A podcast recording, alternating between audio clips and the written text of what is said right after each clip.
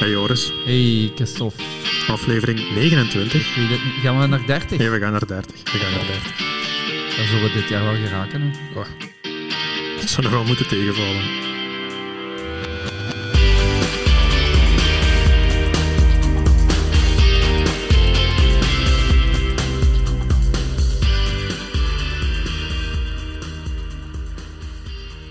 Een, marathon special. Een marathon special, ja. Daar komt het op neer. Hè. Ehm, ja, marathonseizoen is een, in volle gang, Ja, ik, denk, eigenlijk. ik denk niet dat je nog een weekend vindt zonder marathons. Nee. Nee, Het, is, het is Londen geweest, Berlijn, Berlijn is geweest, Eindhoven komt er dit weekend aan. eh, alle, alle Nederlands nog zeker. Ja, Rotterdam, Rotterdam, Amsterdam. Amsterdam, allemaal in oktober nog. Ja, Ja, fijn. Ja. Niet? absoluut. Spaanse marathons. nog. Spaanse marathons in december. Ja, Yes. Dat is iets voor u. Ja, ik ben, aan het, eh, ik ben volop aan het trainen. Volop aan het trainen. Goh, als, ik, als ik mijn planning nu zie in werk, privé, eh, ik ben eigenlijk tevreden dat ik de beslissing genomen heb Om er het geen te lopen. Ja, het, het gaat gewoon niet. Mhm. Ik zou me geen structuur kunnen opleggen. Of, of dat we erin moeten proppen, zoals morgens om vijf uur. Gezien Maar ja, dat werkt ook de laatste niet. dagen Nee. gaan we Nee. dat... eh, Dat, ja, het weer, ik vind het een... eh allee, ehm, ik ga lopen los van het weer. Ik bedoel, Ja. ik heb een schema nu Ja. en, en eh, natuurlijk is het leuker om niet in de gietende regen te moeten lopen. En ik heb eigenlijk ook nooit problemen met regen wanneer dat het begint te regenen tijdens de training. Ik heb wel moeite met vertrekken in de gietende regen. Dat vind ik niet zo leuk. En eigenlijk als je nagaat, dan eh, heb ik de, de voorbereidingen op mijn drie keer Valencia tot nu toe, eh 17, 18, 19, is het hier telkens een hele goede herfst geweest, Ja, waar ik heel weinig kilometers in de regen heb moeten maken. En waar dat het bijvoorbeeld pas slecht weer begon te worden in de op het moment dat je ja, quasi geen kilometers meer moet lopen in vergelijking met de weken van de 100. ja. Uh, dus nu ben ik heel erg benieuwd wat dat het de volgende weken gaat gaan geven. En of dat ik uh, ja, vaak met regen ga geconfronteerd worden of niet. Ik heb al een klein verkoudheidje gehad. Uh, dan nog een beetje nazeurt. Heeft geen impact op mijn lopen, maar ik bedoel, dat is wel... Ja, je, je, jaagt er wel een zakdoek extra door en je blaft uh, soms wat. Um, en ik hoop dus dat het weer al bij al wel wat gaat uh, meevallen. Ik, ik vind wind erger dan de regen. Zoals het echt stormt. Ja, en dan de regen erbij, dat is, dat is gewoon ambetant. Ja, de, de, de, de wind is uh, maar op zich, vervelend. Ja, lopen in, in regen, wind, dat gaat allemaal. Ik, ik zit met issue fietsen. Hè. Ja, fietsen is heel anders. Uh, dat maar we mogen niet, niet veel over fietsen praten. Hè. Ah nee, nee, ja, nee niet Joris. over bekende wielrenners. Ja. Wel over fietsen, want uh, sinds jaar en dag uh, doe ik triathlon, dus mag dat er wel bij. Maar fietsen in de regen, ja, heel ambetant ook onderhoud naar uw fiets. Dat vraagt ja. weer extra aandacht. Ja. Um, fiets tegen de wind vind ik sowieso helemaal niet fijn. Oh, Al heeft, ik kan uh, dat niet. Allee, ik, ik heb ooit een keer de, die uh, Rafa Festive 500 gedaan. Ja, ja juist. En tussen kerstmis en nieuwjaar. Ja. In december. Hè? Ja, kerstmis en nieuwjaar meestal in december. en um, ik weet dat dat waren lastige 500 kilometers. Het was na mijn eerste marathon, denk ik. Dat was 2017. Ja. Dat weet en ik wou, dat, ik wou dat absoluut doen. Maar ik heb die moeten maken. Tim is gelukkig een paar keer mee geweest. En, en die week was het niet echt geweldig weer. Nee. Uh, het was koud, het was nat, uh, er was veel wind. Zetten, is goed. Ja, met Tim, zelfs als Tim traag reed op bepaalde stukken tegenwind, dan, dan vloog ik er nog vanaf. Want ik heb, ja. niks, ik heb niks in te brengen qua nee. kracht, qua nee. kilo's tegen, tegen de wind in. Tim, mijn gewaardeerde kamergenoot trouwens, ik heb van hem een opmerking gekregen dat ik hem in Duisburg niet vernoemd heb als mijn beste kamergenoot. Dus Tim, bij deze, je waart echt by far de beste kamergenoot die ik in 2021 gehad heb. Voilà, de enige nog. Ja, maar dan toch, dat is heel fijn met Tim.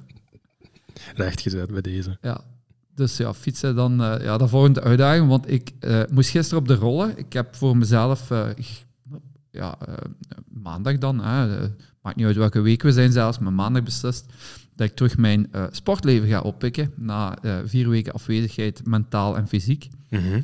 Of toch heel beperkt. Ik heb wel iets gedaan, maar wie mijn Strava gaat bekijken gaat zien dat er echt niks staat. Uh, en ik zet alles online.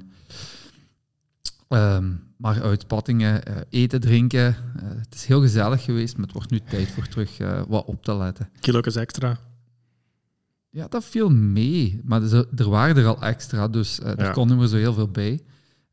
maar ja, ik moet toch makkelijk 10 af richting volgend jaar augustus dat lukt wel. Ik ga proberen er al voor het nieuwjaar toch al een deel kwijt te zijn, want uh, dat is wel makkelijker. Hoe minder dat je lichaam onder stress moet zetten in de zware trainingsperiode, hoe makkelijker. Hè? Ja, het geluk is, ik heb er met Maarten dan, mijn uh, triathlon-trainer, al over gehad. Um, richting maart, april zouden we toch wel op gewicht moeten zitten, mm omdat dan het zwaarste blok gaat komen eh, in de voorbereiding. De rest is maar ja, vooraf, mm aperitiefje. Ja. Ja, komt erop neer. Maar ik zat dus gisteren voor de eerste keer op de rollen. Ik had zo'n geweldige techniektraining gekregen met uh, heel hoge omwentelingen. Uh, ik moest richting 130, 140 omwentelingen, Shit. zo 20 seconden. Ja, mijn goesting was op terug. Ik had een training van een uur tien. Ik denk dat ik toch 30 minuten volgehouden heb. En toen was het uh, mentaal en fysiek gewoon op. Mm -hmm. Maar vooral mentaal. En ja, dat bracht mij terug naar, we hebben dat eh, een aantal afleveringen geleden aangehaald, werk, privé, stress. Uh, ik had gisteren de hele dag op de baan gezeten, wat files gehad. Ja, dan, dan, dat is niet hetzelfde dan trainen onder ideale omstandigheden. Nee, en, en het is minder kwalitatief ook gewoon. Hè? Ja, en acht weken niet op de rollen gezeten. Ja, rollen zijn niet plezant als je daar niet regelmatig op zit. Mm Dus ja, ik heb gewoon het slimste gedaan wat ik kon doen, dat was de training afbreken en gaan rusten. Maar dat is niet zo leuk. Nee, maar dat gaat misschien straks rond deze marathonlijn uh, aflevering wel de tips zijn die iedereen echt moet onthouden. Dus ik zeg ze nu al aan het begin van de aflevering. Want ik heb wel wat vragen gekregen van uh, kameraden de laatste weken rond een marathonvoorbereiding.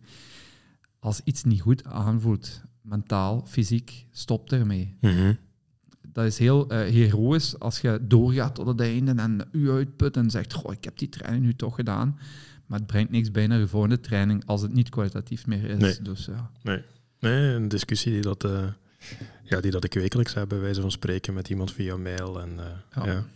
Nu, ik heb gemakkelijk zeggen, ik zit nog uh, tien maanden voor doelen, dus ik kan eens heel gemakkelijk een training afbreken. Hè. Ik wil nog altijd een special hebben over de, de, de dictatuur van de cijfertjes, zoals dat ik het voor mezelf genoemd heb.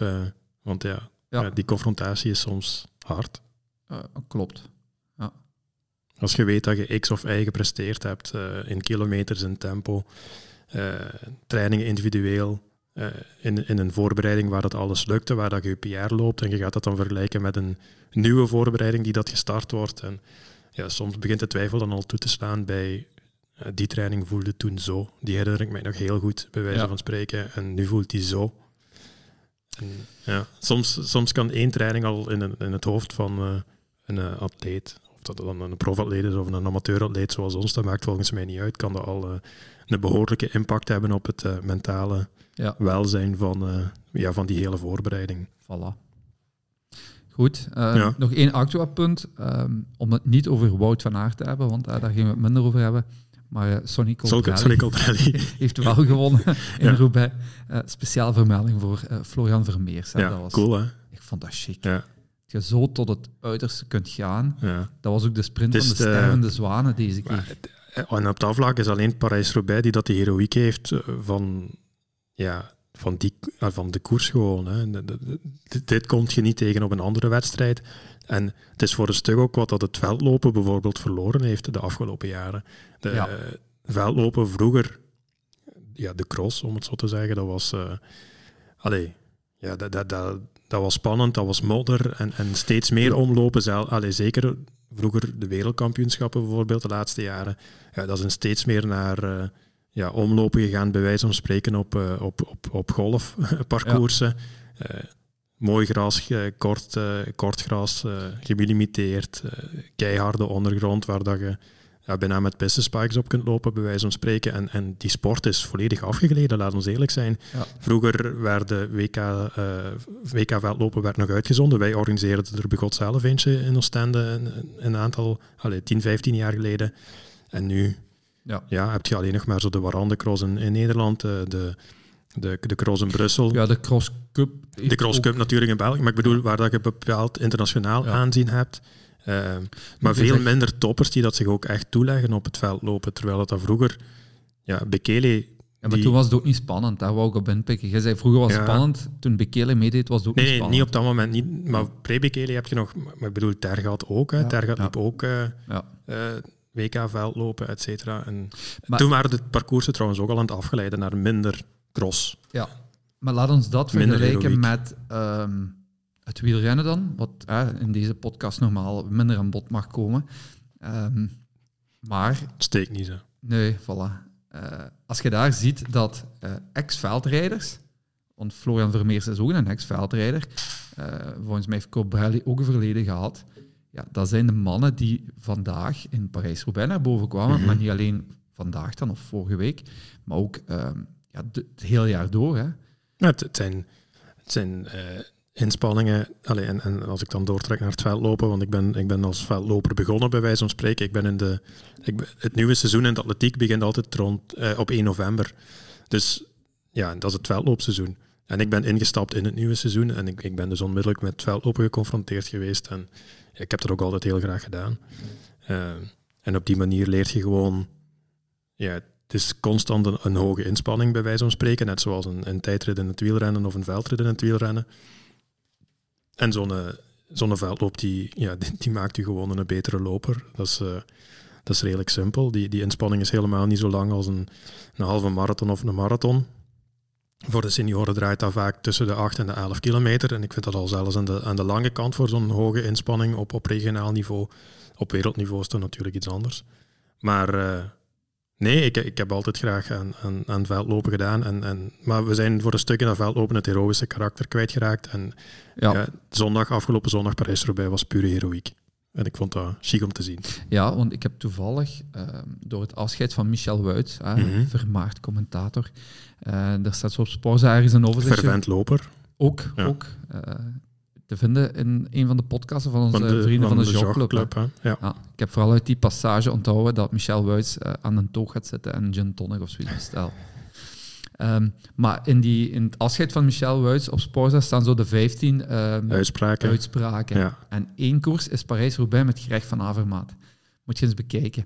De sprint die daar gereden wordt... Met Stibar. Met Stibar, klopt uh, Moscon die nog terugkomt en die eigenlijk nog aansluiten en, en, mee gaan sprinten. Ja. Ehm, daar staan ze nog recht en daar kunnen ze nog sprinten. En wat we zondag gezien nee, nee, hebben... dat, ging gewoon niet meer. Nee, en dan denk je... Colbrelli is een topsprinter, dus uh, of die nu meegewerkt heeft de laatste kilometers of niet, dat laat ik nog in het midden. Um, maar Van der Poel, die klopt normaal ook uh, ja, 90% van het volk en die kon niet meer sprinten.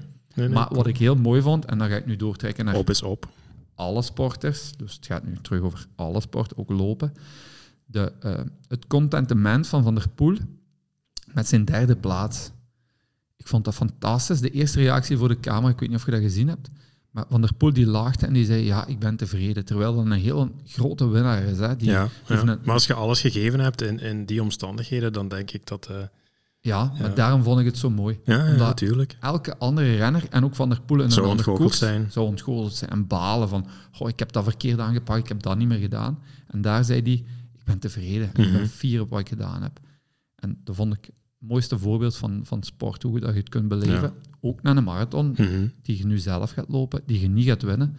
Uh, eender wie luistert. Ik ga ervan uit dat de Kenianen nog niet naar onze podcast luisteren. En als ze luisteren, het niet verstaan. Maar winnen gaat je niet, maar naar je eigen prestatie mogen fier zijn en terugkijken naar, oké, dit heb ik bereikt in, uh, in een voorbereiding die ik mooi afgerond mm En dan mag de eerste of de tiende of de twintigste zijn, hè? Dat, maakt, uh, dat maakt niet uit. De, in mijn geval de 21.400ste of zoiets. Of... Nee, nee, de marathon bedoel ik. Ah, ook. Ja, maar dat bedoelde ik ook.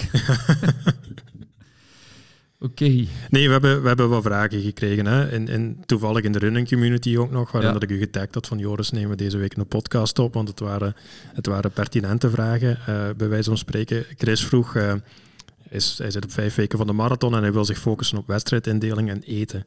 En dan gaat het over de negatieve split op 20 kilometer, hè? Mm -hmm. waar dat we het al vaker over gehad hebben, maar je hebt ook een 10 mijl, 10 mijl, 10 kilometer indeling. Mm -hmm. Dus hè, 16, 32 en dan de laatste 10. Wat doe je met eten om de hoeveel kilometer? Um, hij voelde tijdens de, de, een langere training voelde hij de man met de hamerloeren op, op drie kilometer van het einde. Dus het zijn heel veel vragen. Het zijn heel veel vragen en logische vragen trouwens, hè, die dat van toepassing zijn op zowel de, de eerste uh, keer dat je een marathon loopt, maar ik heb mensen met, met heel veel ervaring op de teller. En, en dan bedoel ik meer dan tien marathons. Die dat in mijn ogen soms nog altijd, uh, ja, uh, noem het beginnersfouten maken. Hè. die dat niet, niet zorgen voor hun eigen gels mee onderweg. En, en ja, dat, dat, vind ik goed. we moeten het wat structureel maken, want wij lopen te fel doorheen. Dus mm waar gaan we het eerst over hebben? Tempo. Tempo. Niet? Ja. In training of in een marathon? Want, Beide, hè? Ja, ik heb een heel mooi voorbeeld gezien. Ik denk in de community van Rotterdam Marathon, die er binnenkort aankomt. Mhm. En dat was iemand die uh, was gaan lopen en die zei, ja, goh, op, op 30, uh, eh, of de laatste drie kilometer van mijn 30 kilometer duurloop, het was op, ik was vermoeid en zo verder. Ehm, ik heb niks te bepalen over iemands tempo. Uh, de eerste regel is uiteraard wel, loopt dat traag genoeg, wel lang een duurloop, hè, om zo weinig mogelijk uh, schadelijke impact te hebben naar je volgende training of naar je rust. Maar uh, wat zag ik bij hem? De eerste vier kilometer dat hij 20 tot 30 seconden sneller liep dan zijn gemiddeld tempo over die volledige duurloop. Los van of ik zijn snelheden ken en ja, ja, ja, ja, dat was nu... Daar dus nu voor de snel gestart. Ja, daar heb ik nu voor de eerste keer eens op gereageerd. Uh, normaal doe ik dat niet. Nee, want jij, allez, je zet geen... Uh... Geen reacteur. Nee. Of, uh, nee. geen, ik geef geen reactie, nee. omdat ik ook geen reactie wil uitlokken. Ik, mm -hmm. mijn tips kan ik meegeven in deze podcast, maar je doet ermee wat je wilt. Alleen is dat de grootste cruciale fout in mijn ogen die je kunt maken, is uw eerste drie, vier, vijf, ik rond af tot vijf meestal, die sneller starten dan wat je beoogt. Zowel op training als tijdens de marathon zelf? Beide. Mhm. Omdat je, uh, en ik ga ervan uit dat je die training uh, koud aanvat. En dadelijk zullen we het hebben of we een marathon koud aanvatten of niet. Um, als je een training koud aanvat, ja, wat gaat je lichaam doen? Dat gaat direct beginnen met suikers, want dat is direct het eerst voorhanden. Je loopt al sneller. Het makkelijkste. Hè? Ja. Mhm. Dus je, je glycogeen gaat al gewoon beginnen weggeraapt te worden in die eerste drie, vier kilometer. Dan gaat je nu tempo komen dat is goed, dan gaat je lichaam terug wel over op je vetten en zo verder. Maar al die energie die je in het begin al weggeduwd hebt, ja, die is er niet raapt u maar terug bij. En zeker tijdens trainingen, wie fuelt zich voor de training? Niemand. Dat, dat gebeurt te weinig, we houden te weinig rekening. We zijn heel vaak bezig met die laatste week en die is belangrijk. Hè? Die laatste week voor die marathon, daar kunnen we het inderdaad nog over hebben ook. Um, maar uh, ik, heb, ik heb in de podcast van The Real Science of Sport heb ik, heb ik uh, een nutritionist gehoord eh, een dokter. En die noemde het uh, fueling for the work required, dacht ik dat hem het noemde. Ja. Dus dat je je, ja, je energiebehoefte voldoet voor de, ja, het werk dat je moet verrichten. En, en, als dat een rustige duurloop is, dan moet je weinig eh, eten, bij wijze van spreken, weinig bijeten. Het gaat wel altijd, voor alle duidelijkheid, over bijeten. Hè. Ja. het is nooit over minder, het is altijd iets dat, er, dat je erbij doet. Maar dan heb je natuurlijk ook je, je, intensieve trainingen, zijn de intervaltrainingen, zijn de uw, uw langere tempoblokken. Ja, daar moet je gewoon wel iets voor bijnemen. Hè. En kijk ik nu naar, naar, naar mijn geval, uh, ik ga trainen op een moment waarop dat mijn eten al lang verteerd is. Ja, ik bedoel, je eet om half één, uh, s smiddags bij wijze van spreken, en ik vertrek om twintig na vijf ja. om te gaan lopen na, na, na het werk, om het zo te zeggen. Uh, op dat moment heb je quasi geen voordeel niet meer van uw middagmaaltijd. Je eet niks na middag nog? Ik eet, eh, dan ervan uitgaande, ik eet niks in de namiddag. Uh, dus wat doe ik? Ik neem nu eigenlijk, juist voordat ik vertrek, neem ik een.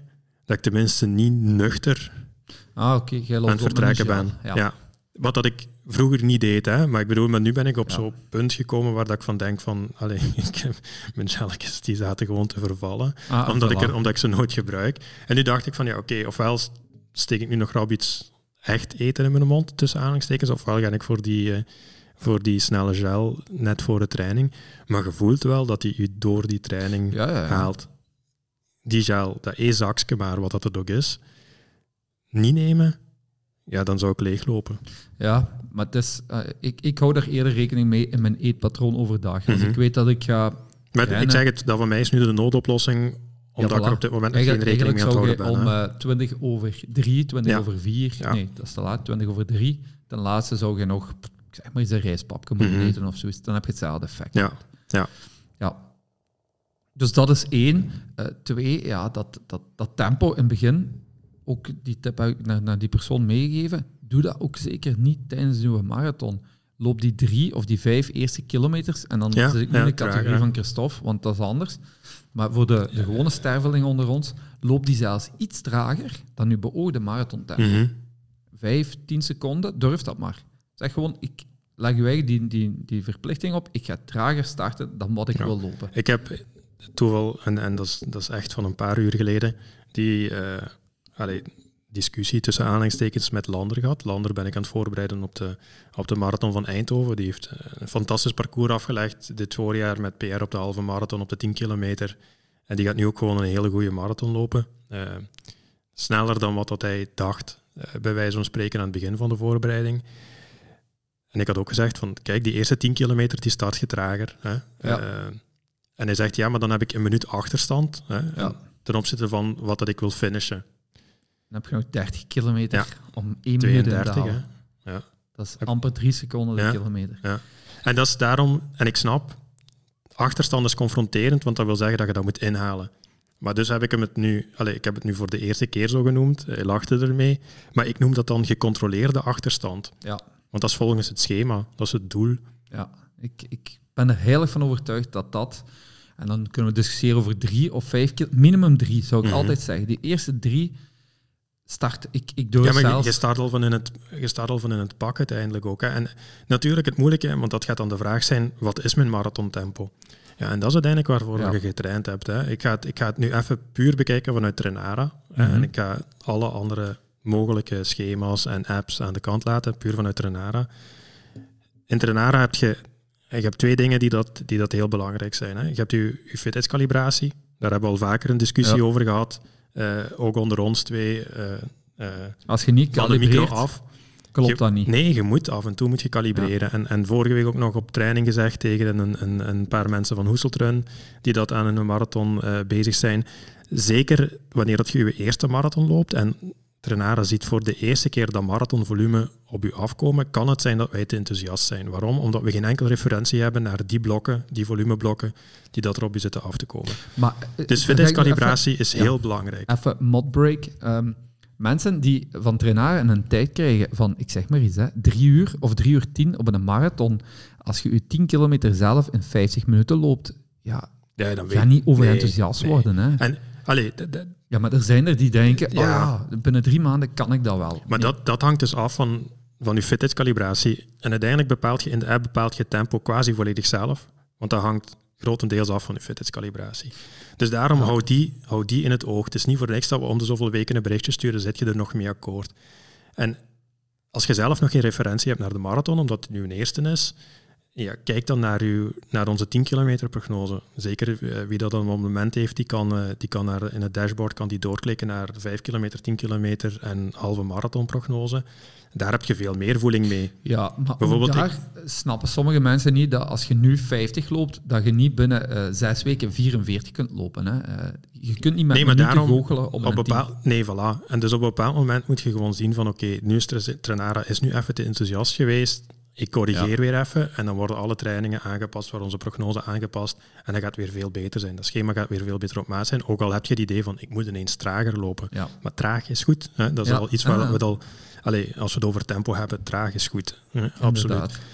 Um, dus als je dan kijkt van uw fitheidscalibratie, Zorg dat die in orde is, hou die ook in het oog. Als wij die vraag stellen, kijk er dan ook bewust naar. Hè. Denk daaraan van, oké, ik ga een keer kijken. Is, denk ik dat ik dat kan? Ja, het is sneller dan wat ik ooit gelopen heb, maar ik voel me ook goed. Hè. Dat kan allemaal. Ja. Dan heb je natuurlijk je trainingen die dat op het marathontempo focussen. Het marathontempo is een gekozen tempo of het tempo dat wij aangeven. Maar de, de, de, de trainingen zijn, zeker sinds, uh, sinds vorige maand, zijn die quasi allemaal tegen het beoogde tempo. En niet tegen het tempo waarop dat wij u inschatten. Dat is een hele belangrijke. Ja. Als je daar voelt dat die blokken van vijf kilometer, uh, dat die niet goed gaan, bij wijze van spreken, of dat die te vlot gaan. Als die te vlot gaan, geen enkel probleem. Dat trainingsschema wordt nog zwaar genoeg. Kosten die u daar al te veel moeite? En voelt je dat op een volgende trainingen, dan is het goed om, om een keer erbij stil te staan van... Ja ik heb wel gezegd dat ik tijd X of Y wil lopen, maar is het niet goed om daar een keer drie, vier minuutjes bij te tellen en te kijken hoe dat, dat schema mij dan afgaat? En natuurlijk, dan heb je je marathonsimulatie. Voor iedereen ziet die afstand er anders uit, maar twee weken voor de marathon, dus in week 10 van uw marathonschema, heeft iedereen uh, binnen er een marathonsimulatie op staan. Ja, die moet een perfecte waardemeter zijn om te weten hoe dat je van start moet gaan gaan op de marathon. Ja en nee. Want je weet, ik heb er al heel veel perfect gelopen. Ja, ja, ja absoluut. En, ja. en, drie weken later niks. Ja. En ik heb er al heel veel niet kunnen lopen, omdat ik gekwetst was. Mhm. Waar ik drie weken later plots bam. Ja. Maar het is natuurlijk het gemak van als je, hem- als je hem kunt lopen, ja. dan weet je iets. Maar dat is de tweede tip die ik wil, en die ik daar straks al gegeven heb in het begin van de aflevering. Als die training niet goed loopt en je voelt Nee, dat dan- dat, zwaar ja, is, ja. stop.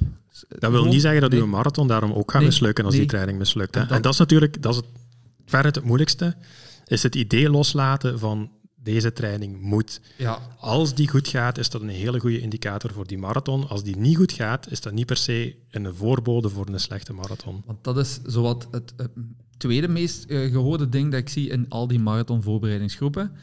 Eh, ik heb die training niet kunnen afwerken, of ik heb ze niet gedaan met een goed gevoel. Zal ik ze morgen of volgende week nog eens nooit volledig inhalen. herhalen? Nooit Ja. inhalen. Ja. Ja. Dus, en, en daar ook, voilà, gelijk gezegd, niet doen. Nee. Dat- Gepasseerd is gepasseerd. Ja, je hebt een kans gehad en het is niet omdat die slecht liep dat dan uw generale eh, repetitie of uw, of uw D-day fout gaat lopen. Mhm. Helemaal niet. Maar haal ze niet in. eh, Nee. Nee, uw lichaam heeft aangegeven dat het niet mogelijk was op dat moment. nee. Dus zet het niet nog een keer onder druk door het nog eens te proberen. Nee, want dan heb je de, de, de volgende groep eh, en dat ligt in die groep. Ja, je moet dan 30 in je laatste twee weken, denk ik nog, of zoiets. Hè? En dan gaat je zakken. 18 kilometer of zoiets. Ja. Begint erop. ja, dan zal ik nog maar eens 30 doen, want dan weet ik Ook zeker niet. dat ik het kan. Nee. Nee. Eh, we hebben uitzonderingen. Hè? We Ja. hebben Leentje heb- gezien als uitzondering. eh, Ja, maar oké, haar, haar schema zat ook wel in die richting. Ik, ik heb nu ook, heb nu ook eh, iemand gezien die dat een schema heeft gekregen van iemand die dat eh, meer dan 100 marathons op zijn konto heeft staan. En eh, die zet een lange duur op van 35 kilometer in voor iemand die dat, die dat daar een eerste marathon gaat gaan lopen. Dat is het derde meest gelezen feit. Shit, hè? dan denk ik van, ja, loop dan gewoon die marathon op dat moment Ja. uit. Hè? Ik heb u dat laatst nog gestuurd. Ja. Iemand die 4 uur en een half was gaan duurlopen op, op 35 kilometer. Dat ik zei, ja, doe hem dan uit. Allee, Mhm. bedoel, Ja, loop hem dan uit. Waarom je lichaam onder die stress zetten ja. in, in je voorbereiding? Maar daar hebben we het ook al heel dikwijls over Ja, gehad. hè. dat is al vaker aan bod gekomen. Kipchoge 200 kilometer op een week draait en die doen een duurloop van 40 kilometer, dan is die nog binnen Ja. in 2 uur 15. Hè. Ja, voor hem maakt dat heel weinig uit. Hè? Die kerel loopt 2 uur 1, die loopt 2 uur 15 op 40 kilometer op zijn gemak. Ja. Hè. Ja, ja dat, dat kun je niet. Allee, je mocht die volumes en die tijden niet vergelijken met, eh met topatleten. Hè. Nee, maar toch weer een, een goede vriend van mij, die ik dan eh, een beetje ja, mentaal mee aan begeleiden ben naar Parijs. eh, binnen twee weken, denk ik, is dat. Of drie weken. Heet nog zo'n eh, major. Allee, bij- nee, het is geen major, maar wel een eh, grote stadsmarathon. De grootste stadsmarathon, denk ik. Dat was ook zo van, ja, maar ja, ik moet 30 lopen zetten op mijn schema. Ik zeg, nee, op 2 uur 30 stop je maar gewoon met lopen. Ja, maar ja, wat als ik dan 27 heb? Ik zeg, oké, allee, als u mentaal dat iets Mhm. bijbrengt, mocht je door. Ja, 2 uur 30 à 3 uur is, is Ja, op zich goed te doen. nu hè. 2,49 gelopen of 2,48 op, die, op die 30 kilometer. Maar ook weer is het tempo te snel. eh, eh, eh, dat was nu het schema van Energy Lab en dat gaf aan, je mocht tussen de, ik zeg maar iets, 5,40 en eh 6, 6,20 mocht je lopen. Ja, dat wordt zo tegen die 5,40 gelopen, hè? zelfs eronder. Mhm. Ik zeg, ja, als je gemiddeld tempo is, dan klopt het al niet, want in principe zou je aan bepaalde stukken wat trager. Nee, iedereen wil zo tegen die limiet Ja, ja, tegen die bovenlimiet. Hè. Terwijl je met een duurloop van 30 kilometer en 6 minuten, ik weet dat je dan verder eh, of meer tijd zou nodig gehad hebben, dan had je kilometers Ja, dan heb je laten drie vallen. uur nodig. Hè, ja. Ja, dus dan wordt het weer moeilijk. Maar allee, Ja, herkenbaar. Enfin, en dan toegepast in de wedstrijd. Dus je weet, op je training heb je in principe nu je tempo al gesimuleerd. Ja. Maar dat doet je alleen maar in simulatietrainingen. Dat doet je niet, zoals dat gezegd, in je lange duurlopen, bij wijze van spreken, waar dat het tempo niet gevraagd wordt, loopt je dat niet. Want je kunt zeggen, ja, maar hoe, hoe moet ik dat dan volhouden? Ja, nee, daarvoor heb je net getraind, daarvoor heb je je intervaltraining, je tempoblokken gedaan. Je simuleert je marathontempo enkel op je simulatietrainingen en niet tijdens lange duurlopen of Nee. andere lange duurlopen. Toegepast in de wedstrijd, ja, dan ben ik inderdaad van, van die negatieve split, zoals we daar net al gezegd hebben. Eh, maar je loopt dan negatief als je onze eerste tip opvolgt, Voilà, die eerste het is 5 dat dan, hè. kilometer Ja. wat trager Ja. lopen. en ik ben, ik zeg het, ik, ik, ik zou dat zelfs rekken tot 10. Ja, U, wa- wat dat wil zeggen dat je eigenlijk op tempo begint te komen vanaf 5, hè, bij wijze Ja. van spreken. Maar ja, je mocht op, op je 10 kilometer, ik neem nu even mijn tijd in Valencia 2019, op 10 kilometer kwam ik daardoor. En ik ga even kijken, want ik heb het net nog gestuurd. Kwam ik door in 38 minuten 5 seconden, wat dat een eindtijd zou geven van 2 uur 40, 41 ik zou eens graag op 10 kilometer doorkomen in 38 minuten en dan nee, de wedstrijd maar, stoppen. Allee, maar ik bedoel, de tijd maakt op zich... De cijfers maken niet uit, maar uh, ik finish in 2 uur 38, 57, dus dat is bijna 2 minuten dat ik goed maak, tussen aanhalingstekens tussen kilometer 10, uh, tempo kilometer 10 versus finish. Ja, de dus dat, allee, de beste graadmeter is ook een halve marathontijd. Als je daar nog binnen een range van een minuut zit, of mhm. zelfs twee minuten, hè, don't panic, dat komt goed. Ja. Je, je kunt meer in je laatste kilometers, als je nog over hebt, dan dat je denkt. En ja. oké, je gaat niet goochelen met een minuut de kilometer, dat weet ik ook. Maar 20, 30 seconden de kilometer, als je nog echt goed zit. Eh, afhankelijk van het tempo dat je natuurlijk loopt. Bij mij gaat dat er nooit nog af. Hè. Allee, ik, ik zit, qua snelheid heb ik, heb ik die ruimte gewoon niet, uh, bij wijze van spreken maar je kunt en je moet maar 2, 3 seconden per kilometer versnellen. Meer, meer moet dat niet zijn. Als, je, dat, als je tot 10 kilometer uh, op je vertraagde tempo tussen aanhalingstekens zit, op je uh, beredeneerde achterstand, dan heb je gewoon nog 30 kilometer en 3 seconden. Dan heb je 90, dat is anderhalve minuut dat je inhaalt zonder probleem. En alles wat we nu stellen is voor een doeltijd die je eigen oplegt. Ja, hè? ja. en dat moet niet. Hè? Nee, want ook daar weer, allee, de, de grenzen 3 uur 30, 3 uur, 3 uur 15, dat zijn allemaal heel mooie grenzen, dat weet ik. Um, maar ik heb het al eens gezegd, bij mij 3 uur of 2 uur 59, uh, 59, net eronder, of 2 uur 56, 30, bij mij is dat echt hetzelfde. Maar net zozeer, ah, want ik wil nu niemand onder de drie uur schofferen, want ik loop er zelf niet onder. Verdomme. Maar net zoals dat 3 uur 29 voor mij hetzelfde is als 3 uur 26. En ik weet wel dat je drie minuten rapper gelopen mhm. hebt, maar in mijn beleving is dat dezelfde tijd. Ik heb, ik heb, een volgende, ah, ik heb nu 3,25 en iets, ik weet het zelfs niet, zo erg is het. Uh, omdat mijn schoonste 3 uur 27 was. Ja, ja. Maar of ik nu 3 uur 24 zou lopen of 23, ik ga dat niet gelukkig Mijn, mijn volgende doel ooit is onder die 3 uur 15 misschien nog. En anders onder de 3 uur 20 dat ik kan zeggen, ik heb ooit 3 uur 19 gelopen. Ja. Maar alles wat daar in die 20 nog zit, is bij mij hetzelfde hoor. Ja. Ja, ja, ja. Allee, voor mij is dat anders. Ja, nu, ik, ik zou gewoon, is wel een PR. Ja, ja, voilà. Ik zou gewoon dol blij zijn met, met nog een keer een PR te kunnen lopen. Moest ik me nu moeten kapot lopen om 10 seconden rapper te lopen dan wat ik gelopen heb, dan zou dat mijn vreugde van de vorige keer niet kunnen overtreffen. Nee. nee. Ja, ik, zit, ik zit nu op het punt waarop dat bij mij wel zo zou zijn. dat was vroeger misschien ook niet, maar ja, nu twijfel ik er gewoon aan of dat ik nog sneller kan. Ja. En dus zou het, ja, de euforie zou wel groot zijn, moest er nu nog een keer... Ja, goed. PR moest ik er iets kunnen onderduiken. Een seconde of twee seconden, ja. Maar dus het tempo... Ja niet te voortvarend van start te gaan, uh, is de tip, de grote tip. En vooral ook niet te veel aan marathontempo te lopen tijdens de trainingen. Nee. Ga tijdens je lange duurlopen dus niet dat tempo beginnen op te zoeken. Doe dat alleen maar wanneer het gevraagd wordt. Er is ook bewijs trouwens, hè, statistisch bewijs via Strava-analyse, dat uh, er worden meer PR's gebroken als je minder aan marathontempo loopt. Want heel veel lopers lopen hun lange duurlopen aan marathontempo, ja. hun, hun dertigers, ja. hun, hun twintigers. Uh, en dus er wordt bewezen dat wanneer dat je trager dan marathontempo traint voor je LSD's, dat je snellere, marathontempo, uh, snellere marathontijden neerzet. Dat heet met reden ook LS, die ja, slow, slow, ja. slow distance. Ja. Nee, oké, dat is tempoblokje ja. afgerond. Dan... Maar je bent aan het lopen, hè, want je hebt tempo-wissels uh, tijdens het lopen, want dat gaat ook naar voren komen dat je drinken pakken. Ja, dat is het volgende stukje waar dat ik wou uh, aan toekomen. Hè. Je hebt, je hebt bevoorradingen. Je hebt je bevoorradingen. Uh, ik vind pak, pak drank en uh, eten, zijn de gels, koekjes, dat maakt mij niet uit. Alleen laat ons dat voeding noemen. Hè. Ook al zit er weinig misschien nutritionele waarde in water. Ja. Maar superbelangrijk, vind ik toch, ga na bij de organisatie welke bevoorrading dat ze aanbieden. Ja.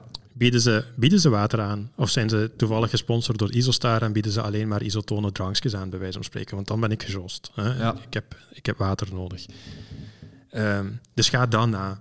Om de hoeveel kilometer staan ze? Ja, ik weet dat, wij, dat ik toch, jij ook denk ik vroeger, ik keek soms naar, naar YouTube-filmpjes van mensen die een marathon meegelopen hadden om te kijken Waar staan ze? En dat stuurde je mij door. Ja, Is de bekertje, is de flesje, is de uh, bewaarding links, rechts? Kunnen we dat voorhand al weten? Ja, en dat zijn, dat zijn dingen die dat zo belangrijk zijn om, om daar een keer... En, en oké, je moet dat misschien een keer mee, meegemaakt hebben om, om het te kunnen voor te stellen. Ehm, maar ik kan zeggen dat tegen het tempo waarin dat, dat ik daar passeer, bij wijze van spreken, is het heel vervelend om met een opstropping geconfronteerd te worden. Maar in principe, in die tijden dat jij loopt, heb je geen opstoppingen, want uh, ja, je loopt daar vooraan een pak en er zijn nog altijd geen uh, grote groepen die zich vormen. Waar je dat probleem wel krijgt, uh, richting 3 uur 30, 4 uur, heb je bijvoorbeeld heel grote pacergroepen die daar lopen, of grote startvakken die vanaf dan van start gaan. Hè. Ik weet nog dat je in, in Parijs in het vak preferentieel stond ja, dat waren met moeite uh, twintig lopers die deelnamen uh, achter de topatleten. Dus uh, dat, dat is het heel groot verschil dat ertussen zit. Ja, nee, maar het is gewoon geprobeerd daar naar te kijken van... En ik heb het al vaak gezien, hè. Iedereen probeert naar dat eerste bekertje te grijpen. Ja, ja ook juist. En dat is heel vervelend. Maar als de weg open ligt voor u en je schuift gewoon door in die lijn, dan gaat het allemaal perfect. Dus ik probeer meestal uh, Valencia staat meestal de bevoorrading, begint rechts, ja. gaat dan naar links. Dat kan, ja, ja. Dus ik ga daar meestal aan de linkerkant van de weg lopen, want iedereen gaat naar rechts, want die wil dat eerste bekertje ja, vast hebben. Uit de schrik dat ze geen water zouden vastkrijgen of weet ik veel wat. Links, 200 meter of 100 meter verder begint daar de bevoorrading ook. Ja, je moet dat wel weten, hè? want allee, in uw geval weet je dat, maar...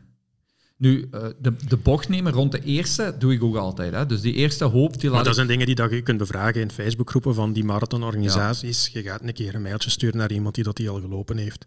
Ja. Maar, allez, ik bedoel, wanneer dat je het goed wilt doen, en dat klinkt nu op het neurotische af... Uh, zit je voorbereid. Maar dan zit je voorbereid, ja. ja. ja. Klopt. En dan moet je geen schrik hebben van, oeh, dat is hier ineens een opstopping. Nee, weet dat dat gebeurt. Weet dat je dat ook kunt ontwijken. Ja, en de tip, rustig in, rustig uit. Ja. Als je inschiet, dan schiet je altijd voor iemand in. Dan heeft die probleem, of die tikt je aan en dan heb jij een zeer mhm. zwaar probleem.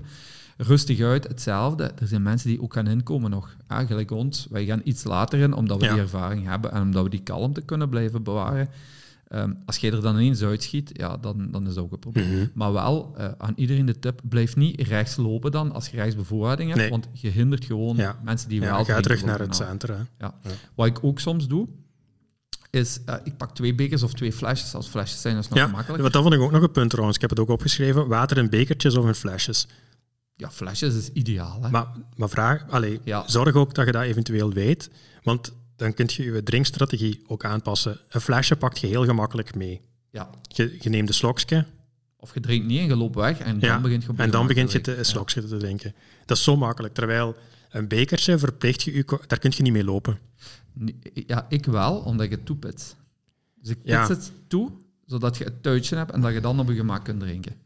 Maar dat is een tip. Dat is een tip, ja. Dus spits je bekertje van boven dicht midden, twee vingers. En dan heb je van onder het tuitje en van boven ook. Maar van boven kan er wel lucht weg. Heel belangrijk. Mhm. Anders klotst dat. Zo kun je op je gemak drinken. Ja.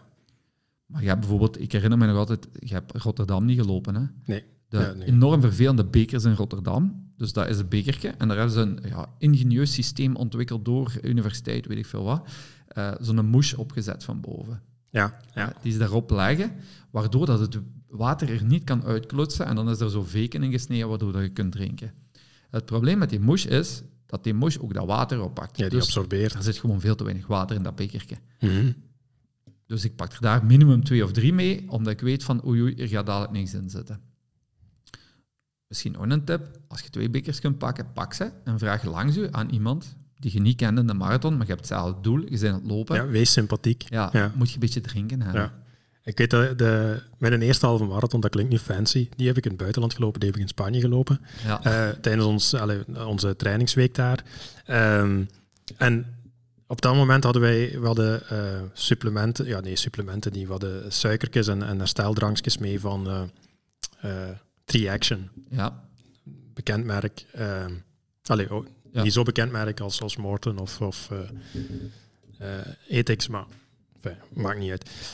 En dat waren zo van die suikersnoepjes, van die gummi-suikersnoepjes. En ik weet dat ik daar op kilometer 16, 17 uh, begon te vragen, want ja, dat had ik dan gelezen dat uh, suiker is azucar hè, in, in, het Spaans. En azucar? Azucar? dan was ik zo met een suiker aan het uitdelen. Oké. Okay, uh, ja. Ja. ja, nee, als je ziet dat mensen aan het afzien zijn en jij hebt dat op dat moment niet nodig, als jij nog helder genoeg bent, bij wijze van spreken. Tip, Christophe, echt man. Die hele bevoorrading toch niet uit? Ja, de laatste was... gel op, op, op voilà, dat was... 38 deel ik wel weg, maar... Ja, ja, maar, maar dat, allee, aan die komen, dan, ja, ja. moet je niet weggeven. Nee, maar ik bedoel, maar gewoon in die halve marathon maakte dat niet uit en ik had nog over. en ik dacht van, ja, moet iemand dat hebben, dan, uh, dan deel ik het uit. Maar wees sympathiek inderdaad, hè. durf je drinken doorgeven. Het schoonste was dat we dat ook op de Olympische marathon zagen trouwens. Daar werden ook bekertjes uitgedeeld. Hè.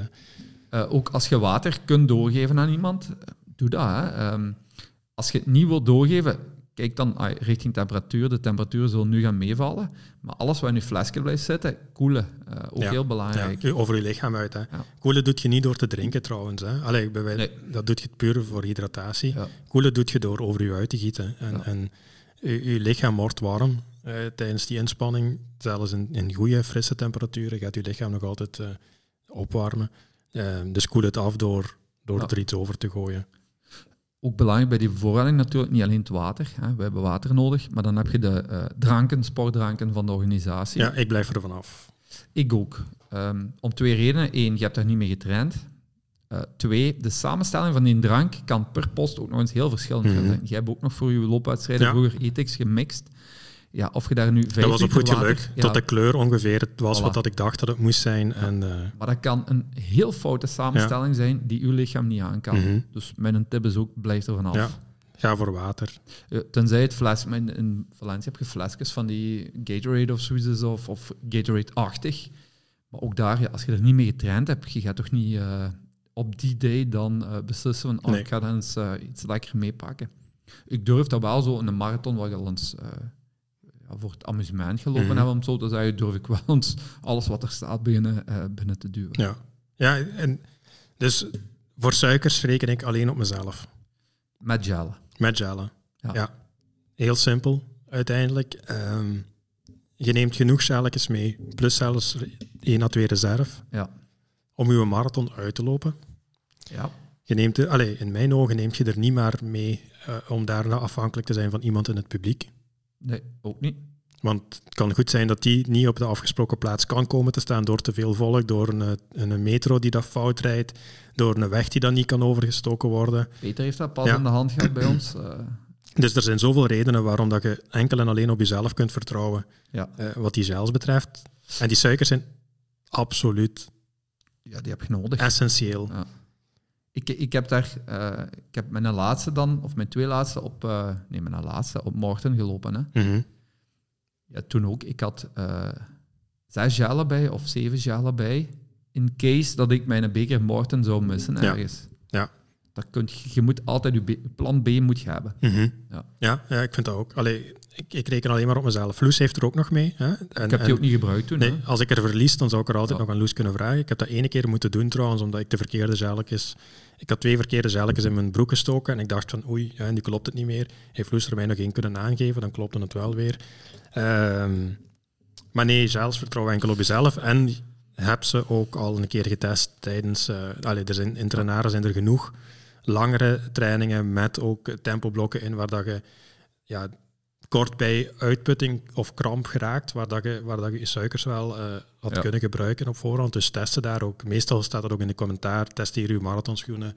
Testeer al een keer uw, uw gelstrategie. Ik vind ook, in, in, uh, want jij zit er al een keer verkeerd mee aangekomen, ik nog niet, maar ik, ik verteer mijn gelletjes goed. Ik neem er eentje juist voor de start en dan uh, probeer ik te kijken dat ik er om de ja, 20 minuten ongeveer ja. neem maar dan zit je al getraind, hè? Ja, dus ik, ik heb mijn lichaam kan tussen de 100 en de 120 gram koolhydraten per uur verteren, volgens mij. Ik denk het wel. 90 is normaal een grens. Nee, nee, maar ze zijn al tot 120 aan het gaan. Hè? Ja, maar met samenstellingen zoals die van morgen natuurlijk. Niet met uh, andere gel. Maar dus ik, ik, zit, ik zit tussen de, tussen de 80 en de 100. Ja, dat is, dat is straf op niet-morten gels. Ja, ja. ja. ja ik, en dat lukt. Ik bedoel, maar dat is ook alweer iets. Hoe traint je dat? Ja door er nog meer te nemen in je voorbereiding, hè, want je wilt die reactie van je maag of van je lichaam wilt je uitlokken, Ja, en als je op 20 kilometer uh, om de 20 minuten een gel neemt, dan kom je nooit op dat punt waar het in de marathon fout kan beginnen te lopen na kilometer 30, wat dat jij een keer aan de hand hebt gehad. Jij ja. schuimde. Ja, en toen ben ik begonnen met minder gels te pakken en dat heeft mij geholpen. Dus daarom ook, daar is, het is alweer niet, gels nemen is niet de oplossing. Nee, en daar kunnen wij ook niet het juiste antwoord nu op geven. Nee, nee. maar de, heb dat getest? Ik kreeg wel de vraag van mijn goede vriend uh, Lionel, ik zal hem gewoon noemen. Um, goh, ik begon honger te krijgen op het einde van mijn duurloop. Uh, zou ik toch niet maar een bar meenemen? Ik zeg, alles wat je wilt, maar ga echt niet met een bar beginnen. Uh, in het fietsen, de sport die we minder uh, aan bod laten komen in deze podcast, kun je die bar op je gemak opeten. En je, je, beweegt niet in een ja, schokbeweging, hè, wat je met lopen wel doet. Dus je kunt op je gemak een barken opeten. Um, speeksel heb je op dat moment nodig om die bar mee te verteren. Hè, want dat moet uh, wel wak worden in je mond, dat moet doorgeslikt kunnen worden. Of je moet kunnen drinken erbij. Het slechtste wat je in mijn ogen kunt doen, is een bar op je gemak opeten tijdens het lopen, uh, omdat je een hongergevoel hebt. Ja, tenzij dat je stopt. Ja, maar ja. Maar dan nog Nee. Vaste voeding. Heeft vertering nodig, ja. dat zit in een maag tijdens de, tijdens de marathon allee, zit je volgens mij niet te lang onderweg dat je opnieuw vaste voeding nodig hebt. Met, met Roel bijvoorbeeld, die dat, uh, die tot de 24 uur gedaan heeft een paar weken geleden.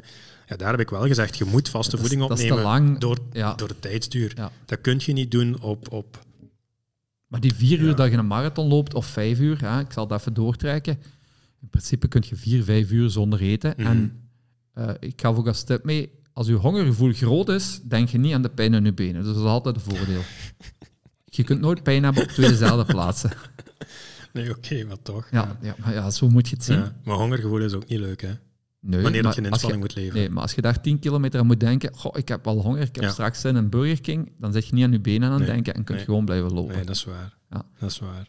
Nu, er zijn ook mensen die uh, heel rare gewoonten hebben. Ik uh, weet, Joost Schoonbrood, die pas het uh, marathonrecord 70 plus ge, eh, gebroken heeft, denk ik zelfs. Ja. Zo'n, ik weet niet hoeveelste marathon onder de drie uur, ja. maar het zijn er gigantisch veel. veel. Zoek hem maar eens op.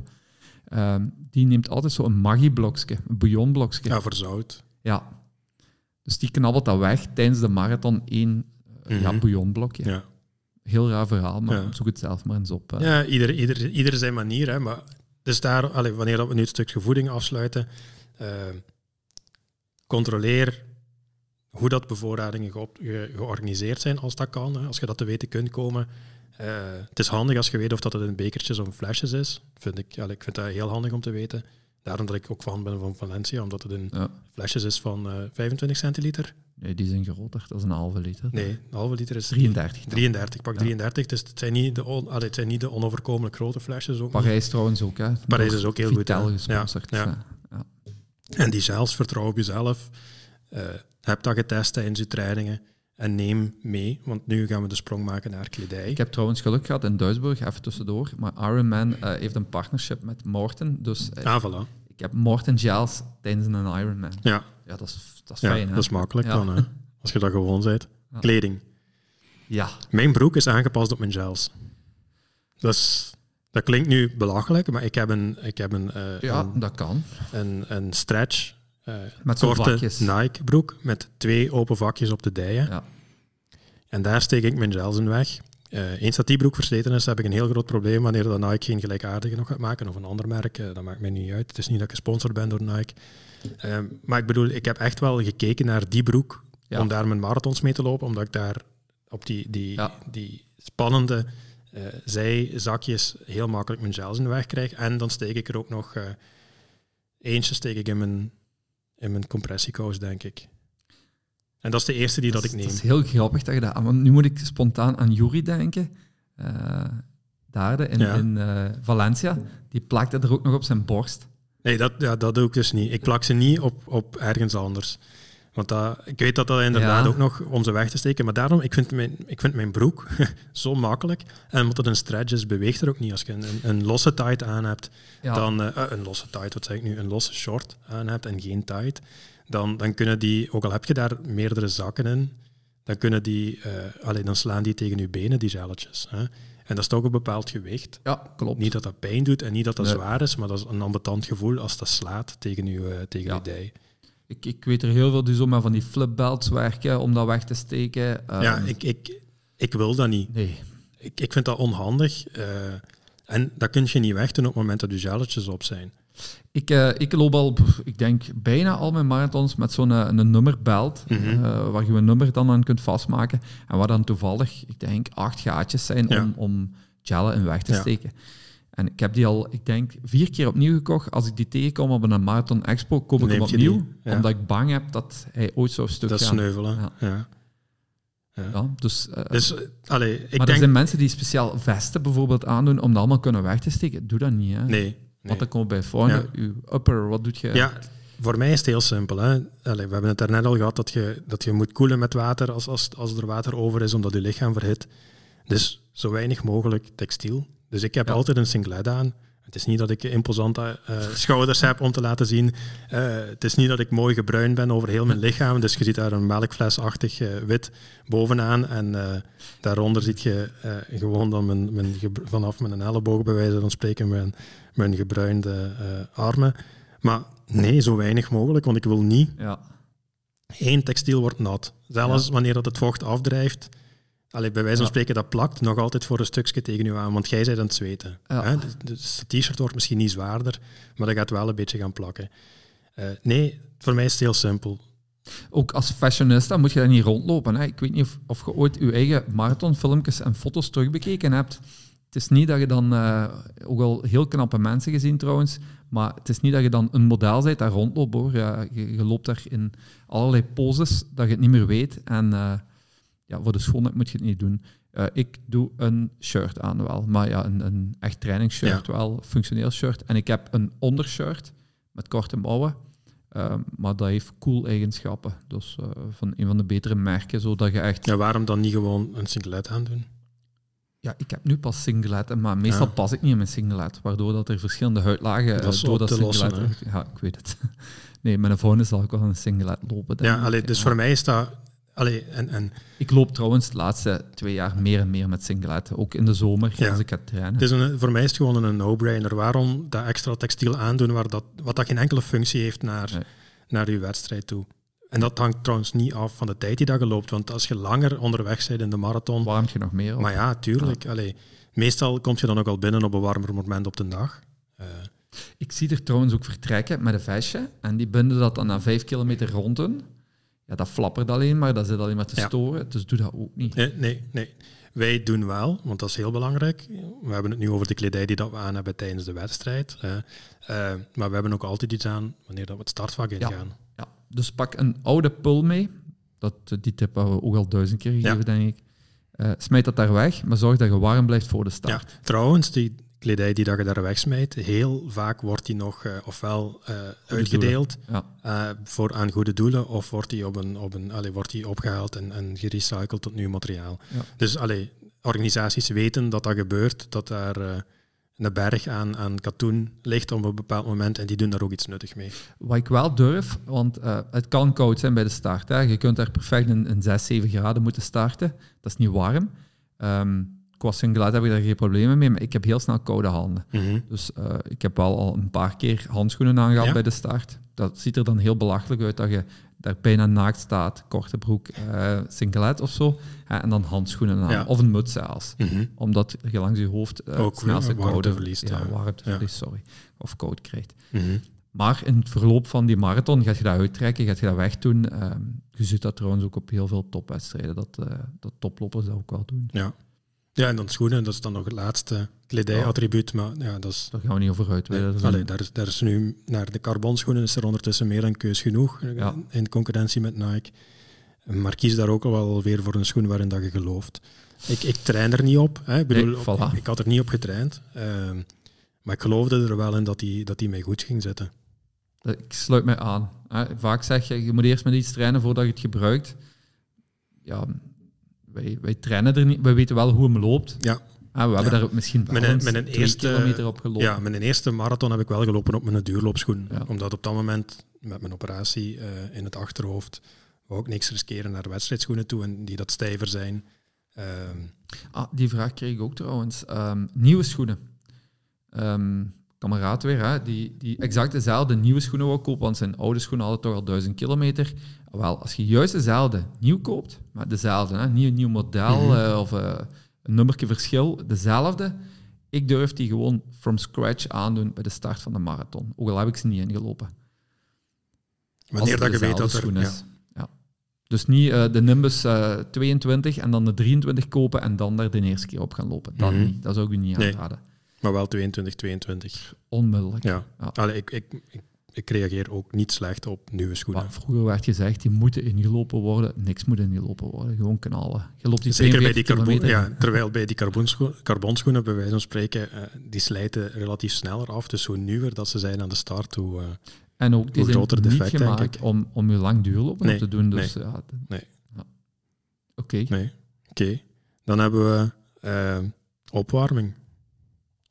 Ja, we hebben het, eh, het meningsverschil al. Hè? Jij wel, ik niet. Maar ik wil nu niet elitair klinken ook of niet. Heb je plaats om op te warmen in je startvak? Je kan langs het startvak gaan lopen. Hè? In Parijs kon je nog perfect op de Champs. Kun je links of rechts nog gaan lopen. Ehm, in Berlijn zou ik dat gekund hebben. In Valencia konden we dat bij de afgifte van de tassen. De straat daarachter kon je nog gaan warm lopen. Want in, in het doe in Valencia, waar, dat, waar dat ik stond, Ja, daar heb je, heb je echt plaats Ja. om, om op te warmen. Hè. Daar wordt effectief gelopen. En, en ik, ja, ik, ik ben toch wel een minuut of tien aan het, eh, Nee. aan het dribbelen. Mijn- Trottiné, zoals Mijn dat ze het in eerste, mijn zeggen. eerste drie kilometer zijn mijn opwarming. Mhm. Ja, dus ja, ik bedoel, ik zorg dat ik niet koud start. Nee, maar voor lopers zoals u, die wel kunnen opwarmen, vervalt bij mij een stuk die drie of vijf kilometer regel om trager te starten. Omdat Mhm. je toch erin kunt komen. Uw energiesysteem is klaar om te presteren.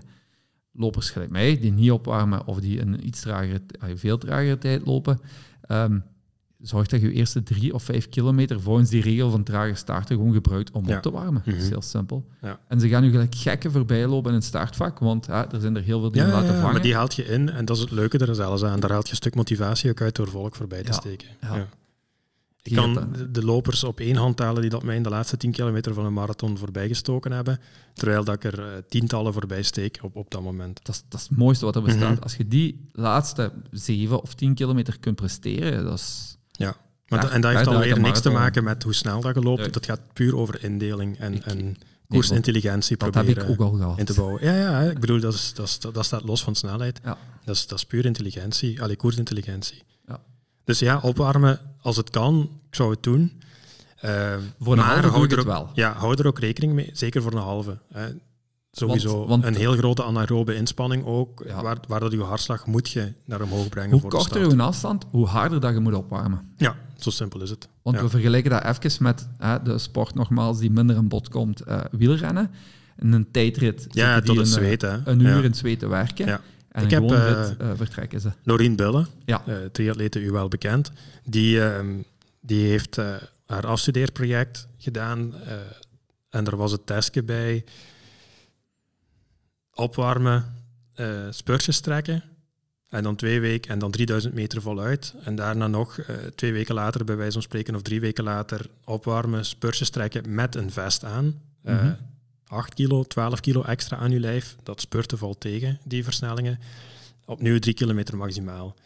Mijn 3 kilometer maximaal met verzwaring was beter dan Ah, ja, zonder. ja. Dus op het moment dat, ik, dat mijn lijf feller moest werken tijdens die opwarming, mijn hartslag hoger gedreven werd, liep ik een snellere eh, 3000 meter. 3000 meter korte afstand. Ja. Eh, dus ja, wat dat, Dus eh, vijf heel intensief opwarmen, Ja. tien goed opwarmen, een halve eh, goed opwarmen. ja. Omdat je daar ook iedere keer op snelheid wilt Mhm. vertrekken en niet wilt inkomen. Nee. Maar bij een marathon, 42 kilometer, heb je toch wel even Maar als het kan, ik zou het doen. Eh, Ja, En zeker ook een keer bekijken van hoe lang dat je in je startvak staat eer dat je kunt vertrekken. ja ook, ook heel Want dat kan heel lang zijn. Hè. Ga zitten zelfs. Ja, Goeie ja. tip, ga Want zitten. in, in New York moet je al zoveel tijd op voorhand. Dat, dat daar zijn. is heel belachelijk. hè. gelopen, maar Tussen dat- dat zoveel mensen gaan iedereen. zitten. Maar zorg dat je Ja. eerst kunt gaan zitten, want aan een tijd zit die grond toch vol. Ja. En neem dan eventueel iets mee om onder u te leggen. Ja, dat je niet koud krijgt Mhm. aan de billen. Dan hebben we nog het allerlaatste puntje. Voeding van de week zelf. Ja. En de ochtend. Ook laatst nog met Lionel over gehad. Ehm, we hebben dat heel ehm, heel juist benaderd in een tijd geleden. Hè? Dat we echt uittelden via mm een schema van Stephanie Scheiling. Wat moet ik zelfs op maandag, dinsdag, woensdag, als je moest... Hoeveel gram koolhydraten per kilogram lichaamsgewicht? En ik hou mij daar nog altijd aan. Hè. Ik zit op, op vrijdag en zaterdag, eh, als op zondag de marathon is, dan zit ik rond uh, de 9 à 11 uh, Jij telt ze nog altijd? gram koolhydraat per kilogram lichaamsgewicht, ja. Ja, oké. Ik heb dat afgeleerd. Ja, ja ik, allee, maar ik hou me daar nog altijd aan. En ik ben gaan eten naar mijn hongergevoel. En dat mhm. stond vroeger ook op internet natuurlijk, toen ik daar de eerste keer mee begon. Eet naar je hongergevoel, maar je kunt daar geen idee van krijgen. Nee. Zorg gewoon dat je niet denkt, ik lig hier nu op de zetel en ik raak de eerste drie uur niet meer uit. Mm Dan zit je voorbij je hongergevoel gegaan. Um, maar vervang wel alle middelen die je wilt eten of op een normale dag eet door uh, suikerrijke uh, dingen. Ja ik eet nu heel graag rijstpap, dus bij mij is dat de laatste twee of drie dagen. Ik, ik begin meestal woensdagavond. Dat is zo mijn eerste mhm. feestmaal, uh, de spaghetti. Ja, ja. Omdat ik heel graag spaghetti eet. Uh, donderdag zal ik rustig koolhydraten eten. Vrijdag begin ik wat meer te eten. En zaterdag eet ik minder tegenwoordig. Mhm. De dag voor de marathon eet ik minder. Ja, wat dat tegen de leer ingaat, hè? Ja, of eet ik... Wacht, ik ga het anders zeggen. Eet ik tot de middag nog zeer goed en dan ga ik minder eten. Mhm. Want ik heb gemerkt, ik slaap onrustiger als ik veel te veel gegeten heb. Ik, ik, kan echt veel eten. Mijn maag kan heel veel aan, maar mhm. dan slaap ik niet. Ehm, je staat op met een heel vermoeid gevoel van ah, je hebt moeten verteren nog en zo verder. Dus daarmee dat ik persoonlijk vrijdag, uh, zaterdag namiddag al een beetje begin te minderen. af te bouwen. Ja. ja. Ik zal niet meer uh, op zaterdagavond, mijn eerste, daar herinner ik me nog in Berlijn, uh, had ik en een pasta op en nog een biefstuk met pasta bij. Uh, Andy was Terwijl er toen bij. stuk niet veel uitmaakt op dat moment, vlees. Nee, maar dat was lekker. Zo, ja, een busje met verse pasta. En dan daarna nog een uh, gewone spaghetti bolognese besteld. Uh, het jaar erop in Berlijn, denk ik, ja, weer twee grote borden pasta. En nog een dessert erbij. En nog een koffie met suiker. Ik bedoel mm. maar, het was ja. en, en, en, en, en. Terwijl ik nu zal zeggen, weet je, ik eet geen fatsoenlijke pasta. Ik drink daar een koffie bij. En voor mhm. mij is dat goed geweest. Ja, ja. Maar je hebt door de dag heb je al Laat het ook niet op de laatste avond aankomen, want dat is wel een goede tip eh, om je koolhydraten te stapelen. Hè. Doe het doorheen de dag, doe het, doe het daags er, allee, met daags ervoor bedoel ik dan twee dagen voor de marathon, hè, niet de dag voor de marathon. Ehm, je gaat wel voelen dat je ook dikker wordt, ja. zwaarder. Maar dat is energie. Ja, want glycogeen zet zich vast in de spieren en in de lever. Ehm, en aan glycogeen, water gaat zich hechten aan mm glycogeen, dus je gaat veel meer vocht ophouden. Ja. Um, dat zorgt niet voor een papperig gevoel. Je gaat ook allemaal kwijt zijn naar je ja, marathon. Ja, ja dat, uh, allee, en, en je zet alweer, het is energie die dat je nodig hebt om die marathon tot een goed einde te brengen. Hè. Ja. Um, als ik dan uh, allee, kijk naar, naar welke, uh, welke voeding moet het zijn, ja, kies dan altijd voor de de witte varianten, die dat je best mijt in de rest van je voorbereiding, omdat je zoveel mogelijk voedingsstoffen... Ja. ja, ja, inderdaad. En, en je wilt zo weinig mogelijk vezels hebben, want je wilt niet naar het toilet moeten gaan. Uh, je wilt de dingen hebben die dat makkelijk verteren. Uh, dus de witte pasta, wit brood, uh, witte rijst, de, de, ja, de simpele. Ja. Allee, de dingen die dat eigenlijk in, in de boeken als niet zo gezond gezien worden in de voorbereiding zijn ja, the way to go tijdens je laatste dagen. Wat ik ook uh, de laatste jaren meer heb. Vroeger keek ik, moest ik een hotel hebben waar vroeg ontbijt was en, en in functie van de marathon. En dat hebben we altijd gehad in principe. En met een laatst, nee, een fijnste dan in Düsseldorf, weet ik nog dat ik op mijn kamertje zat, want ze boden geen vroeg ontbijt aan. En ik had met mijn eigen afgesproken, drie uur voor de marathon eet ik sowieso. Dus ik had een wit brood meegenomen en een pot uh, confituur en een mes mm en een bord ja, gewoon op mijn kamer gegeten. En eigenlijk doe ik dat vanaf nu altijd. Ik ga niet meer kijken, uh, is er ontbijt? Want je betaalt veel te veel voor het ontbijt wat je toch allemaal niet mag eten. Want de heel goede dingen... Ja, ja, ja die moet ik al laten staan. Spijk. Ja, dus ik blijf gewoon op mijn kamer zitten. Ik eet mij daar een boterham of vier, vijf, zes. Maakt zelfs niet uit. Of een sandwich als het echt niet anders Maar niet te veel, hè? Nee. Maar gewoon dat je, dat je, je weet... Mhm. Dat we in Düsseldorf heb ik dat met Tim nu ook gedaan. S morgens opgestaan, was sandwichje gesmeerd en, en gegeten. Ja. Dus dat is misschien ook nog een tip om mhm. mee te geven. Uh, ja, vroeger moest dat ontbijt in totaal. Ja, ja, maar allee, zorg gewoon dat je je ontbijt op, op een goed uur nuttigt. En dat is allee, pak ja, rond de drie uur voor uw marathon. Niet meer twee uur voor uw marathon, maar ook geen vier uur voor uw marathon. Want dan uh, is al voor een groot stuk misschien verteerd. Uh, twee uur op voorhand, dan is het misschien nog niet verteerd.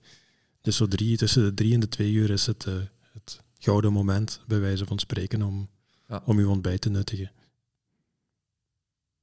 Dat is het belangrijkste, denk ik. Ja, ik denk dat we een goede marathon zouden lopen als we, als we al die uh, ik tips zouden toepassen. Ik van om terug in te gaan lopen, maar ja. ik ga heel lang geen niet meer lopen, jammer genoeg. Ik zit nu in, uh, in week 4 van mijn voorbereiding. Het is de, de eerste rustweek, om het zo te zeggen. Hè. Mijn volume daalt. Uh, ik heb vorige week 90,5 kilometer gemaakt en ik ga nu naar een... 60, 50? Nee, 75. Ah, okay. oh. zak niet zo Zoveel zakken is ook wel... 60 is nog mooi, hè? Maar ik ben aan het twijfelen om, om eventueel nog een wedstrijdje erbij te doen de zondag uh, dwars de Rasselt. Ah, ja, ja. Daar ben ik nog niet uit. Um, Want jij hebt uh, afgelopen weekend, dat kunnen we nu wel even vermelden, wij waren pacer uh, bij Ambiorix Run. Mm -hmm. En we hadden allemaal een vaste opdracht. En de opdracht begonnen vanaf 45 minuten op de 10 kilometer. Ja. Ja, we hadden u de vlag van 35 minuten kunnen meegeven. Ja, ik was heel blij. Ja.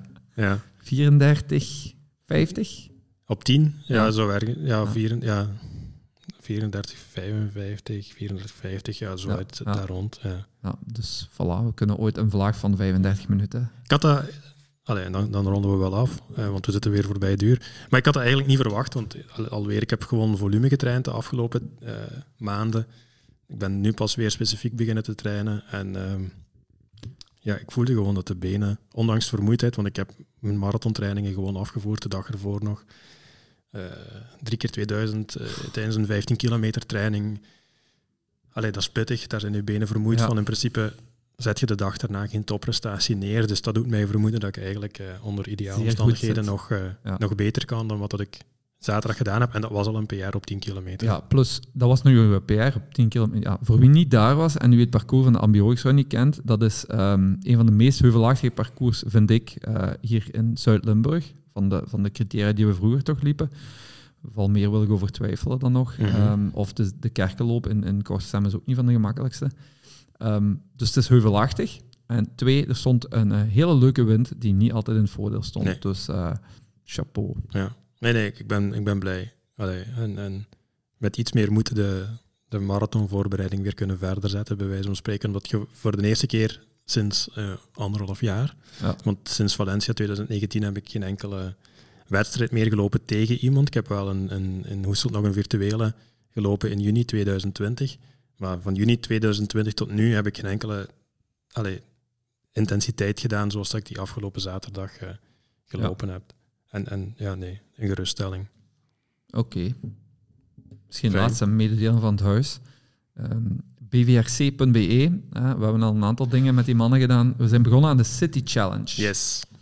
Um, deze oproep is enkel voor tongenaren die op dit moment luisteren. we moeten soms profiteren van ons eigen medium. Dus de rest uh, sluit gerust af. Uh, tot volgende week, dag. Um, tongenaren schrijven massaal nog in onder tongeren. Uh, we hebben ze nodig. Ja, dit City Challenge komt neer op, op dat je als stad of als gemeente zoveel mogelijk punten moet verzamelen door kilometers die dat gelopen worden, ja. uh, hoogtemeters die dat erin vervat zitten. Ja. En dan, en dat is het slechte, omdat het niet juist is, er worden coëfficiënten op toegepast naar de grootte van de gemeente. Ja, we gaan daar niet voor janken. maar het probleem is dat bijvoorbeeld Tonger heeft uh, 32.000 inwoners. Uh, onze vrienden uit Hoeselt die hebben er 7.000, 8.000 of zoiets. 9.000 denk ik. Uh, dus dat is een factor 3, 3,2, 3,3. Dus dat betekent voor elke kilometer die zij lopen, moeten wij er 3,3 gaan lopen. Ja. En oké, okay, we hebben meer lopers aangesloten tot nu toe. Ik denk dubbel. Maar we zien in kilometers dat we dat heel moeilijk in gaan krijgen. Ja, dat gaat niet. Dat gaat gewoon niet. Want we hadden gisteren, ik denk het dubbel van de kilometers gelopen. En nog maar vier vijfde van, van de punten uh, die zij verzameld hadden. Mm -hmm. Dus uh, ja, dat wordt... Nee, nee, zolang dat het wordt herrekend naar de grootte van de gemeente toe of van het aantal inwoners, gaat dat niet lukken. Simpel. Nee, dus met Bilzen kunnen we wel gaan strijden. Uh, Riemst, dat wordt ook nog haalbaar. En dan alle andere landen, uh, alle andere gemeenten natuurlijk in dit land doen ook mee. Ik weet dat Breden een heel brede basis heeft. Oudenaarde was goede dingen en toen heb ik gezien. Maar um, wat mij wel verrast is, er zijn heel veel gemeenten waar maar één of twee mensen gaan ja. lopen. Ja. Maar en, dat is omdat BVC nog niet gekend genoeg is. Nee, maar voilà, bij deze, bij de deze oproep, sluit vooral bij die aan, niet bij Hoeselt. nee, sluit, het is heel simpel, sluit die aan bij de gemeente waarin dat je woont. Ja, maar dat, dat, uh, die discussie moeten we ook niet voeren. Uh, nee, ik, ah, ik vind dat knap dat Hoeseltrun dat, dat Tuurlijk, ja, maar absoluut. En ja, wij hebben ook marathonlopers. Die zijn van Hoesel trouwens ook ja. de deelnemers. Uh, en wij hebben ook marathonlopers die niet noodzakelijk in Tongen wonen, maar wel bij de Tongense Marathonclub zitten. Dus die zijn bij ons ook wel aangesloten. Um, maar voilà, schrijf je massaal in, doe mee. Dat is wel iets heel leuk. Uh, het is grappig. Ook die, die chat uh, van BVRC, daar leeft het in. en ik vind eigenlijk, en dan moet ik kudos geven aan de organisatie, ik vind het heel goed gevonden dat je mensen kunt verenigen. Want in tegenstelling tot Hoeselt, waar je al een community hebt van 230, 250 lopers die in, in een WhatsApp-groep samen uh, zitten, hebben we in Tongen wel moeite moeten doen om de andere loopgroepen mee te motiveren om mhm. in te schrijven. Ja. En uh, ik merkte op de Ambiorix Run, dat leeft wel onder ja, de Tongenaren. een groepsfeer uh, ja, te, te, ontstaan. Ja. Bij mannen van, van Bolt of van, van ja, de andere groepen hier in Tongen, om het zo te zeggen je doet toch mee, hè? Ja, en je schrijft je leden toch ook in en je motiveert je leden toch. Uh, we hebben geen gezamenlijke uh, WhatsApp, maar onder leden onder elkaar sturen we wel wat berichten om te motiveren. Dus. Nee, nee, het is leuk, het is leuk. Een heel leuk concept. We gaan de strijd aan. Ja, misschien wat tweaken naar volgend jaar over uh, het aantal uh, inwoners per gemeente of, en zo verder. Misschien Rekening houden met vergrijzing. En... Ja, of, of dat ze het aantal deelnemers uh, in rekening brengen met het aantal kilometer ja. gelopen of zoiets. Ja. Dat zou beter zijn voor ons. Allee, ik ga niet zeggen verder, maar uh, we mogen geen slechte verliezers zijn, maar we geven ons nog niet gewonnen. We gaan massaal. ik zit in mijn marathonvoorbereiding. Aan mijn kilometers gaat het niet gaan liggen in principe. En we houden er heel veel in marathonvoorbereiding. Ja. Maar bijvoorbeeld in Bredene doet uh, Kenneth van Broekmeers ook ja, mee. heb ik al gezien. Die is marathon de Sabel aan het lopen. Ja. dat telt. schitterend. Dat telt. Mooi. Oké, okay. aflevering 29 zit erop, Joris. Ja, we zullen straks doen af te ronden. Het is 30, hè? Allee, dat eraan komt. Door dat vieren. Patheken.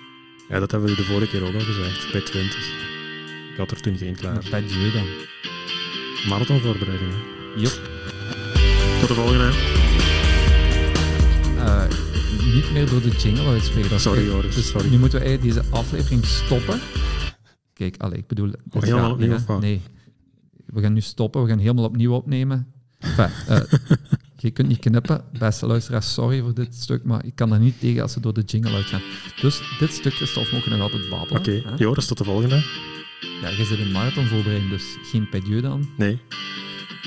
En geen patheken. Misschien moet ik alleen duvel drinken. Ja. Mag ik tot hier praten? Ja, dat is En nu niet meer.